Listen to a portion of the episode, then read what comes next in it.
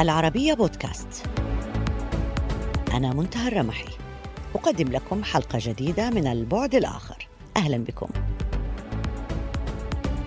أعلنت الأمم المتحدة بلوغ عدد الأشخاص الذين لا يملكون ما يكفي من الطعام بشكل يومي إلى أعلى مستوياته قائلة إنها تتوقع أن تصل الأعداد إلى مستويات جديدة مروعة مع الأضرار التي تسببها الحرب الأوكرانية على إنتاج الغذاء عالميا وجاء في التقرير أن البلدان التي تعاني من صراعات طويلة الأمد ومن بينها أفغانستان، الكونغو، إثيوبيا، نيجيريا وجنوب السودان كما سوريا واليمن أيضا بها أكبر عدد من السكان الذين يعانون من انعدام الامن الغذائي. وتتوقع الأمم المتحدة أن يواجه الصومال واحدة من أسوأ أزمات الغذاء في العالم. أشار التقرير أيضا إلى أن الكثير من الدول غيرت بسرعة سياساتها العامة لمواجهة الأزمة المرتقبة لكن التحديات الحالية تجعل السيادة الغذائية شبه مستحيلة. فلبنان مثلا يغطي إنتاجه من القمح خمسين ألف هكتار في حين أن هناك حاجة إلى زراعة 180 ألف هكتار لتوفير ما يكفي لسكانه.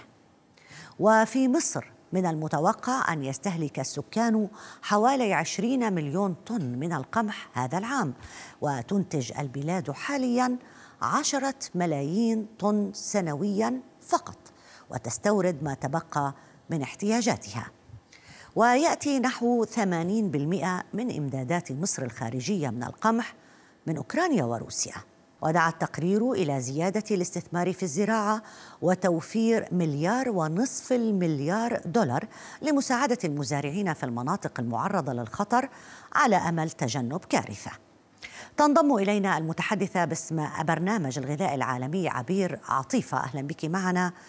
عبير أولا وخلينا في البداية نقيم وضع الغذاء بشكل عام في المنطقة حاليا بعد الحرب في أوكرانيا. أهلا بك منتهى. آه طبعا يعني هو هناك قلق بالغ بشكل الأمن الغذائي في العالم كله وليس فقط فقط في المنطقة لأن نحن الآن وصلنا إلى آه أسعار المواد الغذائية آه لمعدلات هي الأعلى منذ الأزمة الغذائية التي شهدناها في 2008 وفي 2011 يعني حتى قبل الأزمة الأوكرانية في شهر فبراير آه هذه الأسعار وصلت إلى أعلى معدلات ثم آه أخذت صدمة أخرى وهي الارتفاع بنسبة 12% في شهر مارس. ومنذ هذا الحين والأسعار ما زالت في ارتفاع. طبعا ارتفاع الأسعار معناه أنه يؤدي إلى يعني ليس فقط يؤثر على الأشخاص الذين نساعدهم آه ولكن أيضا على كثير من الأسر التي هي بالفعل على حافة الجوع. إذا نظرنا للمنطقة العربية منطقة الشرق الأوسط بصورة عامة سنجد أن يعني هي ربما تكون أكثر المناطق التي يعني تتأثر بهذه الأزمة لأسباب كثيرة. ومنها هي عملية الاعتماد بصورة كبيرة على الاستيراد واستيراد المواد الغذائية ومعظم السلع الاستراتيجية. آه هي طبعا هناك اعتماد لبلدان شمال أفريقيا وكثير من دول الشرق الأوسط على واردات الغذاء والطاقة. وطبعا مع ارتفاع أسعار الطاقة ده معناه إن هيكون ارتفاع في أسعار المواد الغذائية. م. المنطقة بتستورد 42% من قمحها 23% من الزيوت النباتية من روسيا وأوكرانيا.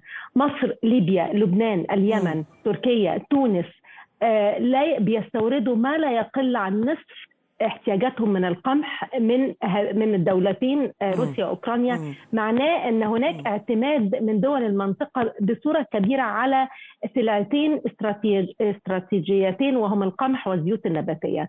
لبنان بتستورد أكثر من 80% اليمن 30% تونس 42% وبالتالي ارتفع أسعار الدقيق والزيوت النباتية وكما ذكرت طب يعني لا أدري إن كان هذا لكم علاقة به بأي شكل من الأشكال بس إذا عندك بشكل بفكرة بسيطة تقييم لماذا يعني عدم الالتفات لضرورة أن يكون الإنتاج محلي حتى تحصل أزمة مثل مثل هذا النوع عالمية بحيث نشعر بأنه في أراضي خصبة علينا أن نستثمرها من أجل عملية الغذاء والاكتفاء الذاتي لبعض الدول. يعني بنحكي عن دول حوض النيل مثلا مصر السودان.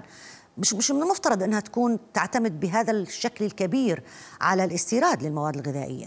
هناك صحوة متأخرة في عملية الاستثمار الزراعي وعلى الأخص في هذه آه، في هذه السلع الاستراتيجية وجدنا مصر الآن بتهتم بزراعة القمح ولكن يعني من يعني الشيء الذي نتعجب له دولة مثل السودان. هناك في السودان أزمة في ارتفاع أسعار المواد والسودان عندها إمكانية أن تكون سلة غذاء العالم وليس صحيح. فقط سلة غذاء آه، آه، دول حوض النيل. لديهم الأرض القصة الماء آه، لديهم كثير من العناصر المهمة لعملية الزراعة. لكن إذا نظرنا سنجد هناك يعني صلة وثيقة ما بين ضعف هذه الدول في يعني يعني تأمين احتياجاتها من هذه السلع الاستراتيجية بسبب اولا الصراع التغيرات المناخية بالإضافة إلى أن كثير من اقتصاديات هذه الدول لم تتعافى من جائحة كورونا والتباطؤ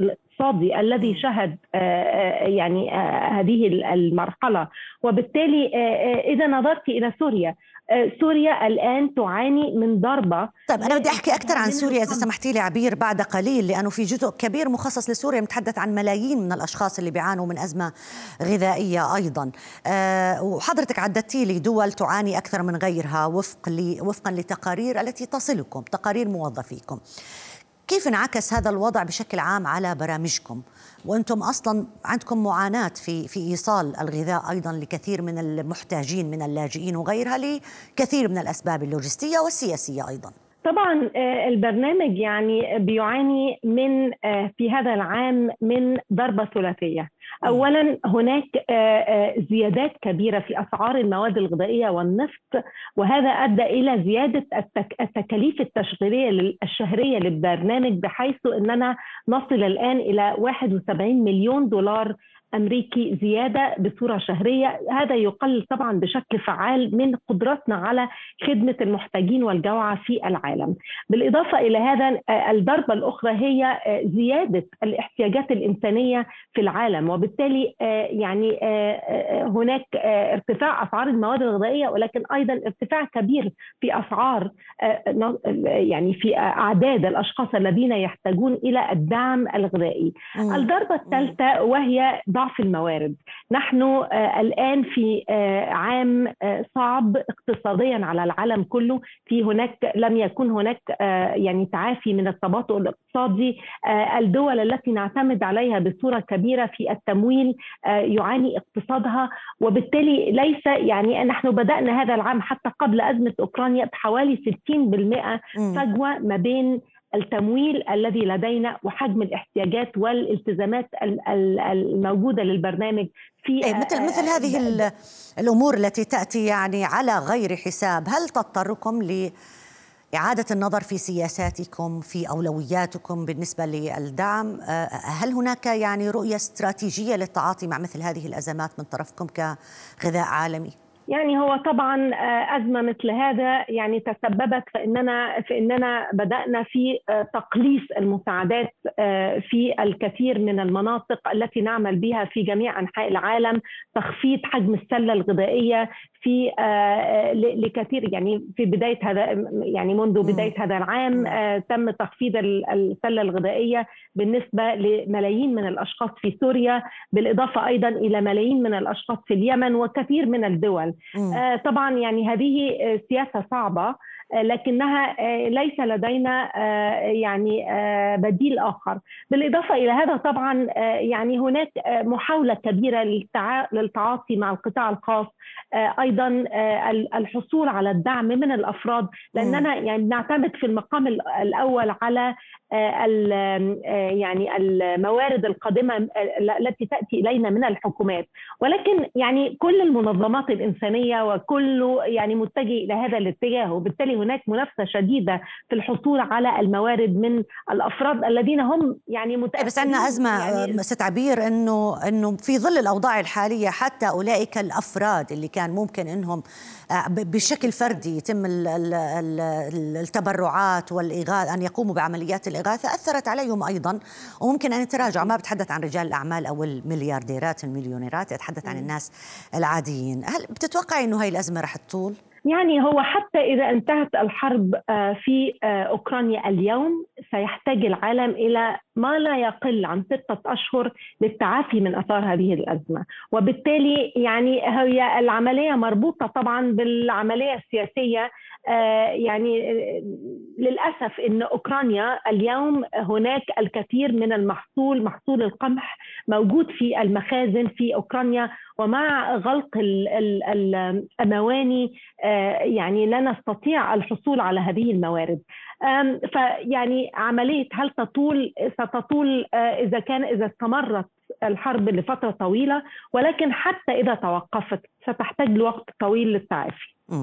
آه في شيء محدد مطلوب من الحكومات أو الأفراد للمساعدة في تجاوز هذا الوضع وإلا الظروف السياسية في بعض الدول يعني تعقد من أي مطلب للحكومة؟ طبعا آه، يعني أعتقد المجتمع الدولي هناك آه، الكثير من الأشياء الذي آه، نستطيع أن يعني أن يلتزم بها، اولا الحكومات المحلية، هذا هو وقت مهم جدا لعمليات شبكات الأمان الاجتماعي، الدعم على السلع الغذائية الاستراتيجية للأكثر فقرا والأكثر جوعا. ونحن نعلم إن هذه ظروف صعبة بتمر على كل الحكومات. ولكن وعلى الحكومات المحلية، لكن هو وقت مهم جدا أن يكون في تركيز الدعم على الأكثر فقرا والأكثر ضعفا. هذا ليس وقت تقليص الدعم وعلى الأخص الأكثر جوعا. بالنسبة صحيح. للمجتمع الدولي يجب أن يكون أن يتوقع ويعمل على التخفيف من العواقب الوخيمة لهؤلاء الذين يعانون بالفعل من أعلى معدلات انعدام امن الغذائي في العالم. أيضا هذا ليس هو الوقت لعملية يعني السياسة سياسة الحماية وهي غلق وإيقاف التصدير. وكثير من الدول بالفعل قامت بإيقاف تصدير السلع الاستراتيجية. صحيح. هذا يعني نحن ننادي بعملية بأهمية فتح التجارة الدولية. يعني لا يجب أن يكون العالم آه، هناك تكاتف أكثر من هذا. طبعا أيضا هذه لحظة لمراجعة أهمية السياسة الزراعية واستراتيجيتها في العالم كله لأن آه، يعني أهو ثبت بالدليل القاطع إن إذا إذا لم تملكي غذائك فأنت عرضة لأكثر الأزمات صعوبة. آثار الحرب في أوكرانيا بدأت تظهر في قلب الشرق الأوسط كما ذكرنا فقد تفاقمت الأزمة الاقتصادية في سوريا. والأكثر إثارة للخوف هو الانهيار السريع وغير المسبوق. لقدرات المنظمات الإنسانية التي تساعد ملايين اللاجئين والنازحين السوريين. فقد تحولت غالبية الموارد التي يخصصها العالم للإغاثة الإنسانية تحولت إلى أوكرانيا ما جعل أكثر من أربعة ملايين نازح شمال غرب سوريا على أعتاب مجاعة فضلا عن كون كل الاعتمادات المخصصة للتعليم والصحة قد نفدت. وأعلن برنامج الغذاء العالمي الذي يقدم مساعدات غذائية إلى مليون وثلاثمائة وخمسين ألف شخص في شمال غرب سوريا وخمسة ملايين ونصف مليون اجمالا في البلاد. أنه سيتعين عليه تقليص حجم سلاله اعتبارا من هذا الشهر. وسحب حتى الآن آلاف العائلات من لوائح المستحقين. أما منظمة بنفسج التي اعتادت توزيع سلال بمقدار 60 دولار على عشرات الآلاف من الأسر النازحة واللاجئة فقد أعلنت أن المانحين الدوليين قلصوا مواردها أو توقفوا عنها. وتسببت الأزمة الأوكرانية بحسب ميرسي كوربس في تراجع كبير في مخازن احتياطات القمح التي أصبحت شبه فارغة في محافظة إدلب. كما أن نقص الأمطار لن يسمح بالحصول على أكثر من 33 ألف طن في عام 2022 مقارنة ب 700 ألف طن قبل جفاف عام 21 ويتردد المانحون حتى الآن في الاستثمار في مشاريع تحقيق الاستقرار في المنطقة بسبب الوجود التركي فيها وسيطرة تنظيم هيئة تحرير الشام على السلطات المحلية في إدلب. نخصص هذا الجزء للحديث عن الوضع الإنساني شمال سوريا حيث يبدو أنها المنطقة الأولى التي دفعت ثمنا باهظا للحرب في أوكرانيا. وعودا لك عبير عطفة المتحدثة باسم برنامج الغذاء العالمي. أعود معك للحديث قليلا عن سوريا. لو ترسمي لنا صورة مختصرة عن الواقع المعيشي للنازحين السوريين حاليا في المناطق التي أشرنا إليها والمناطق الأخرى أيضا. آه، طبعا آه، سوريا بتعاني من حرب استمرت لأكثر من 11 عام آه، منذ هذا يعني في خلال هذه الفترة قام برنامج الأغذية العالمي بتقديم مساعدات غذائية إلى خمسة ملايين شخص في جميع أنحاء سوريا. طبعا يعني كما نحن نعلم عن الأزمات في بداية الأزمات بيكون هناك يعني تعاطف ووقوف من المجتمع الدولي بجانب هذه الأزمة. ولكن الآن نشهد آه، في سوريا ظروف صعبة. آه، برنامج الأغذية العالمي بيعاني من نقص شديد في التمويل آه، على يعني يقدر بأكثر من نصف أكثر من نصف مليار دولار أمريكي شهريا في وقت أصبحت قدرة المجتمع السوري على التعامل مع تداعيات الأزمة وأثارها على مجال الأمن الغذائي أصبحت يعني في منتهى الصعوبة، حقيقة يعني اليوم 60% من الشعب السوري يعانوا من انعدام الأمن الغذائي في جميع أنحاء البلاد،. بالإضافة طبعا إلى الصعوبة على الأخص في المناطق شمال غرب سوريا. تكلف ارتفاع أسعار المواد الغذائية أصبح يعني شيء آه، لا يطاق من قبل كثير من هذه الأسر، فيعني حتى قبل هذه الأزمة زادت تكلفة سلة الغذاء المرجعية على أعلى مستويات بدأت منذ أن بدأنا نرصد هذه زيادة أو عملية الأسعار بصورة عامة في عام 2013 وأصبحت يعني في عام واحد زادت أسعار المواد الغذائية بنسبة تزيد عن 97% ومما طبعا يزيد الطين بلة هي ضعف التمويل واضطرار البرنامج إلى خفض المساعدات الإنسانية والسلة الغذائية وهذا يعني آه، في جميع أنحاء سوريا بالإضافة أيضا اللي أنا سمعنا آه، عبير بأن المقيمين السابقين في المخيمات اللي كانوا تركوها أصبحوا يعودون إليها الآن لضمان حصولهم على الغذاء إلى أي مدى هذا الكلام دقيق؟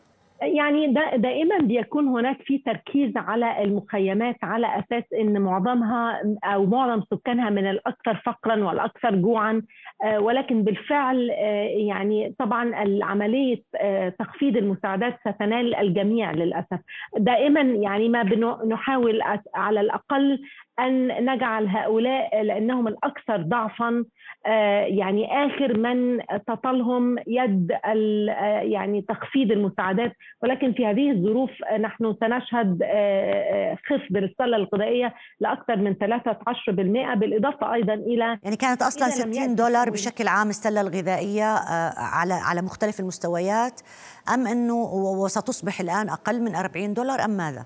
آه، بالفعل يعني هو عملية التخفيض يعني آه، آه، يعني حجم السلة الغذائية والقيمة قيمة السعرات الحرارية يعني طبعا يعني حجم يعني إذا كان هناك نسبة من القمح أو الرز أو ستقل هذه النسبة. بالإضافة إلى هذا إذا لم يكن هناك تجاوب من المجتمع الدولي فللأسف سيكون هناك يعني ربما عواقب أكثر يعني سوءا من هذا. آه، ربما نضطر إلى إخراج كثير من الأفراد من عملية آه، تقديم الغذاء. هي ظروف صعبة لكن المجتمع الدولي أعتقد هل وصلنا لمرحلة يمكن أن نسميها عزوف عن المساعدة في بعض المناطق السورية أم أنه عدم قدرة على المساعدة الآن أو توزيع المساعدة بأكثر من اتجاه؟ هو أنا أعتقد إن يعني هي ظاهرة بنشهدها في الأزمات التي أصبحت طويلة الأمد وبنطلق عليها آه، باللغة الإنجليزية donor fatigue أو إرهاق المانحين.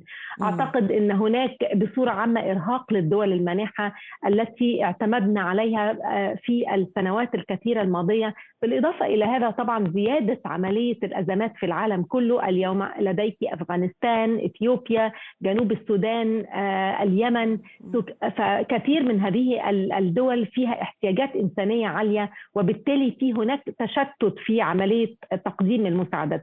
بالإضافة أيضا إلى ضعف آه، اقتصاديات هذه الدول في ظل التباطؤ الاقتصادي بعد جائحة كورونا. آه، لكن ومع هذا أيضا تزايد الاحتياجات. يعني الوضع في سوريا لا يتحسن على الأقل من عمليه من ناحية الأمن الغذائي. لا يتحسن بالعكس يعني كل ما الوقت يمر كل ما ظروف الناس بتكون أصعب وقدرتهم على التعامل مع هذه الأزمة أصبحت صعبة أصبحوا أكثر هشاشة. ما يعني ما من استطاع تحمل الظروف الإنسانية في في يعني في ظل وذروة ظروف الحرب يعني استنزف مدخراته آه، يعني باعوا آه، كل ما يدخر وبالتالي هناك صعوبة في التعامل حتى مع آثار هذه الأزمة. هل لديكم أي خطط لمواجهة هذا الوضع؟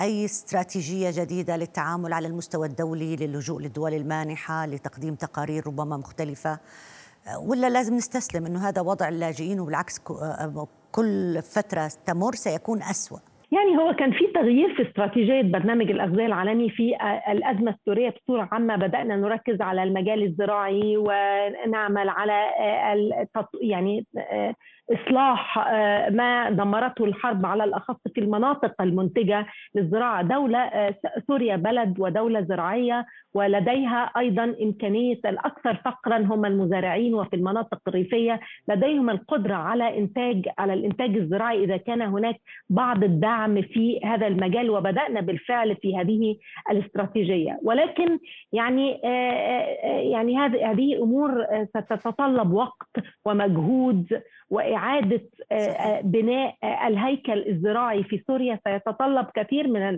من السنوات. إلى أن نصل إلى هذه المرحلة يعني لن نستطيع التوقف عن تقديم الغذاء لأن الغذاء يعني هذا شيء يعني هي ليست أغطية أو صحيح. خيام هذا شيء نحتاجه بصورة يومية في البعض قال أو بعض التقارير تحدثت عن كون أحد أسباب العزوف عن المساعدة في سوريا إذا بدنا نذكرها هو أنه جل المنظمات الإغاثية العاملة في سوريا لها ارتباطات خارجية بعضها على الحدود لها ارتباطات على أجهزة تركية وبعضها متهم بأنه عنده ارتباطات بمنظمات وجماعات مشبوهة إلى أي مدى يمكن أن يكون هذا الكلام صحيح أيضاً؟ يعني هو من قبل برنامج الأغذية العالمي إحنا آه، بنعمل في 81 دولة حول العالم آه، بنقدم مساعدات آه، إنسانية في كل المناطق الصراع الموجودة. يعني نحن أصلا وجودنا في المقام الأول مرتبط بعمليات الطوارئ وعمليات الإغاثة في البلاد التي تعاني من الحروب. وبالتالي يعني هناك ثقة من الدول المانحة واتصال وثيق بيننا وبين الدول المانحة. هم يعلمون آه، آه، كيف نوزع هذه المساعدات ومن نتعامل مع آه، وبالتالي يعني وأيضا نحن ملتزمين جدا بعملية بعدم التعامل مع منظمات تندرج تحت اللوائح الإرهابية أو الجماعات الخارجة عن القانون. وبالتالي ربما يكون هناك مخاوف بالفعل من بعض الدول المانحه تجاه آه، بعض المنظمات غير الحكومية لكن مشكلتنا في يعني في برنامج الاغذيه العالمي هي أكبر من هذا وهي أزمة التمويل لأن احتياجات كبيرة. آه، يعني طبعا عملية التمويل ولو إنها يعني إذا نظرت في الآخر إلى السلاح وتجارة السلاح هي في الآخر يعني ولا شيء جنبها. أرقام بسيطة. صحيح ولا شيء جنبها, جنبها. طيب هذا بيقودني أرقام كبيرة يعني. صحيح بيقودني لسؤالك. إذا كنا إحنا بنعتمد الآن على الدول المانحة في تقديم كل هذا النوع المساعدات. ماذا لو تأثر اقتصادات هذه الدول المانحة لو توسعت هذه الحرب في أوكرانيا لو زادت عن حدها لو طال أمدها لو ارتفعت أسعار النفط بشكل كبير في تعقيدات اقتصادية حتى على الدول المانحة راح تصير. أنتم كيف راح يكون شكل عملكم؟ يعني هيكون هذا هو عام. الجوع في العالم. آه سيكون عام الجوع في العالم لأن طبعا آه، بدون موارد آه، لن يكون هناك أي نوع من التعامل مع هذه الأزمة. وبالتالي آه، يعني هو ربما يواجه العالم خطر غير مسبوق في هذا العام. لأن في أزمة 2008 وبعد ذلك في 2011 كانت هناك مشكلة وهي أزمة غذاء. لكن هذا في هذا العام هذه الأزمة مصحوبة بعملية تغيرات مناخية. يعني مثلا على سبيل المثال سوريا. آه، سوريا بتنتج نصف ما تحتاجه من القمح لكن هناك جفاف. هذا الجفاف بالمغرب في جفاف. محصول بالفعل بالمغرب وبسوريا وبكثير من الدول آه، آه، الموجودة في العالم. هناك تأثير كبير على الانتاج الانتاج الزراعي وبالتالي اليوم لديك أزمة أوكرانيا ارتفاع أسعار المواد الغذائية. هناك آه، تغيرات مناخية بالإضافة أيضا إلى ان أننا لم نفوق إلى الآن من آثار جائحة كورونا. كل هذه يعني العوامل يعني لم تكن موجودة في 2008 عندما عانى العالم من أزمة غذاء. وبالتالي يعني هناك حقيقي خطورة. يعني أنا لا أريد أن نخيف المشاهد لكن الوضع أخطر مما كلنا نتصوره. صحيح. ولا يمكن لنا أن ننظر إنه الحرب في أوكرانيا فهي بعيدة إلا إنه التأثيرات على مستوى العالم. ألف شكر لك يا أستاذ عبير عطفة المتحدث باسم برنامج الغذاء العالمي لمشاركتك معنا في هذه الحلقة من البعد الآخر. شكرا جزيلا لك. شكرا جزيلا. إلى هنا انتهت حلقة اليوم من البعد الآخر. يمكنكم دائما متابعتنا على مواقع التواصل الاجتماعي تويتر فيسبوك ويوتيوب. إلى اللقاء.